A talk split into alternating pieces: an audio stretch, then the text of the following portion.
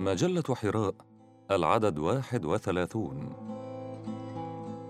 الاستيعابية الفكرية للكينونة البشرية في رسائل النور بقلم أديب إبراهيم الدباغ. بين رجال الفكر الديني المعاصر يبقى النورسي من أكثرهم شداً للانتباه بفكره الاستيعابي والاستقصائي للكينونة البشرية بأبعادها المختلفة. واستشرافاتها على العوالم الورائية والماورائية على حد سواء. فقد بلغ نزوعه الاستيعابي من العمق والسعة إلى الحد الذي لم يعد يجد معه في التناقضات والأضداد في الفكر والحياة معضلة تواجه الفكر الإيماني لدى المؤمنين. فما من سلب كما يرى إلا وينطوي على شيء من الإيجاب. فإذا ما تعودنا النظر بعمق في الأشياء فسنرى الانتظام حتى في غير المنتظم كما يقول وبعض الخير في تلافيف كل شر وبعض الحق في ثنايا كل باطل وإشارات قوة في جوانب كل ضعف وضعيف وبصيص نور في أطباق الظلام وحتى تلك المذاهب الدينية المشتته في أبعادها عن سواء الدين لا تخلو هي الأخرى من جزء أو أجزاء من الحق وبهذا الجزء أو الأجزاء يشيع المذهب ويلقى القبول لدى بعض الناس. وإنه كثيرا ما يلفت انتباهنا إلى المعجز الخارق في إعجازيته في البديهي الغارق في بداهته وإلى غير العادي في العادي نفسه وغير المألوف في عين المألوف. ففكره نزاع إلى التجرد من خارجية الأشياء وإلى انتزاع قشرة البداهة عن البداهات واستكناه الكينونة البشرية مجردة من الفضوليات العالقة بها والدخول إليها من أبوابها المشرعة الفكرية والوجدانية والحدسية. وحتى الخيالية وكل لطائفها الأخرى. ففكره استيعابي استقصائي يستوعب النفس البشرية ويستقصي كل جوانبها مشيدا صروحه التخاطبية معها في رسائله على أسس من مصداقية المعرفة بحاجات جوانب هذه النفس وإعطاء كل ذي حاجة منها حاجته التي يريد. فرسائل النور هي نتاج هذه المعرفة بالكينونة البشرية. حيث جعلت من أعظم أهدافها تحرير هذه الكينونة من الأثقال التي تشدها إلى الأرض وتحصينها من جواذب الشتات في شعاب العالم واستنهاض جميع قواها ولطائفها ثم تكريسها لخدمة الهدف الأكبر الذي خلق الإنسان من أجله وهو العبودية الخالصة لله تعالى. فإذا ما مات صاحب هذه الكينونة ماتت كينونته كلها معه ولم يبق منها شيء خارجا عنها متعلقا بسبب من أسباب الدنيا كما ورد في الأثر. فقد أثنى جملة من الصحابة رضوان الله عليهم في حضرة الرسول صلى الله عليه وسلم على رجل من الصحابة كان قد مات. فقال عليه الصلاة والسلام رحم الله فلانا فقد مات كله. فقال الصحابة يا رسول الله أليس أحدنا إذا مات يموت كله؟ قال عليه الصلاة والسلام ليس ككلكم إذا مات يموت كله. أي والله أعلم أنه ليس كل أحد يموت بكينونته كلها دون أن يتبقى منها شيء خارج هذه الكينونة في مكان ما من الدنيا.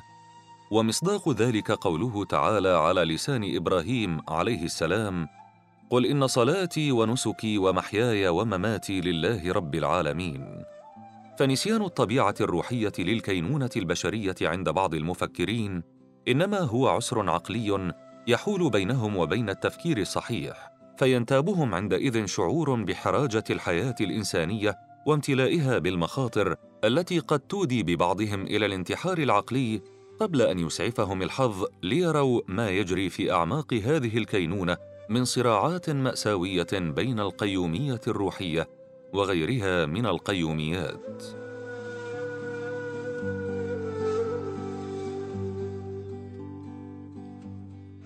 فالكينونة البشرية إذا ما تضامت على نفسها وجمعت أجزاءها ووازنت بين متطلبات كل جزء منها صارت وحدة واحدة وغدت جزءا مماثلا للتوازن الكامل في الوجود ووجدت مكانها في الإيقاع السرمدي بين الطاقة المنطلقة من روح العالم والطاقة المنطلقة من روح الإنسان فتتحول عندئذ ذات الإنسان إلى عالم من الإشعاع يضيء كل جانب معتم من الفكر والحياة. ففي مقدمة كتاب المثنوي العربي النوري يلمح النورسي إلى أسس فهمه لعالم الإنسان الداخلي من حيث كونه مزيجا من العقل المفكر والروح الباعث للحياة في موات الأفكار. فما من إبداع إنساني إلا وهو ناتج توافقي بين العقل والروح. فالروح هي محاريب العقول تتطهر فيها وتتصفى ثم تتسامى إلى جوهر الأشياء وحقائق المعاني ولباب الأفكار. وبهذا الفهم استطاع أن يحيط بالأبعاد الإيمانية التي أشار إليها القرآن وسعى لتربية العقول والأفهام بمضامينها. لقد رأى النورسي أن من واجبه الديني أن يعرف الإنسان بنفسه كما هي والا يحجب عنه هذه المعرفة ليكون مؤهلا لقبول حياة ما فوق الحواس التي يراد للمؤمن أن يتأهل لقبولها. وقد سعى جهده لنقله من الحالة الذهنية النمطية إلى ذهنية منبثقة من رؤى روحية عميقة الإدراك واسعة الآفاق ليجرب اشكالا جديدة من الوجود لم يسبق أن تعرف إليها من قبل. ولا نكون مبالغين إذا قلنا إن النورسي أوشك على أن يصل إلى نهاية الإصلاح في الحياة العقلية والروحية للإنسان المسلم وذلك بإنقاذه من الانكسارات النفسية التي خلفها فيه تضاعف شعوره بالانهزام الحضاري أمام تحديات العصر الحافل بكم هائل من الإنجازات في شتى العلوم والفنون. حتى خشي أن يكون العالم اليوم غير قادر على استيعاب متطلبات المسلم الروحية واستساغة أشواقه الماورائيه لكونه محاصرا من قبل حشود هائلة من ماديات الأرض فهو اليوم عائم في بحران من الرعب الكابوسي الذي يضيق عليه الخناق ويشده أكثر فأكثر نحو المركز الميداني التعبوي لجنود الأرض الذين لا يزالون يدقون الأسافين بين الإنسان وربه. فبات يحيا دون انتماء جاد إلى عالمه الذي يعيش أو العالم الآخر الذي يدفع إليه دون رغبة منه. فالأعمال التي ينجزها ينجزها كما تنجز الآلة الخرساء الصماء أعمالها بحرفية مهنية من وراء ذهن متعب كليل وقلب هزيل فاتر. حتى لا نكاد نقطع بغياب الروح الخلاق فيما يأتيه من أفعال. ولو لم يكن شيء ما يعمل عمل الروح في استنهاض قواه الفكرية لعقم ولم يأتي بشيء جديد على هذه الأرض. إن إطلاق الكينونة البشرية من قيود مراسيم النمطيات الفكرية والنفسية المدونة في دفاتر العالم باعتبارها الهوية التي يرجع إليها عندما يراد تعريف الإنسان وكتابة الوصفة الدوائية لأمراضه المستعصية. أقول إن إنقاذ هذه الكينونة من النظرة الضيقة التي ينظر إلى الإنسان من خلالها عمل من أجل أعمال الدراسات الفكرية الاستيعابية والاستقصائية لرسائل النور. فقد أنذرت هذه الرسائل ونبهت إلى ضرورة إجراء تغييرات مهمة وجريئة في المفاهيم والمقررات المتعلقة بالخارطة الوجدانية والفكرية للإنسان وذلك بإعادة التوازن الحميمي بين عوالم الإنسان في مختلف لطائفه ونزوعاته في الداخل والخارج وإعادة الاهتمام بالكل الإنساني الكلي وعدم الاقتصار على الجزئي منها كما يعبر النورسي.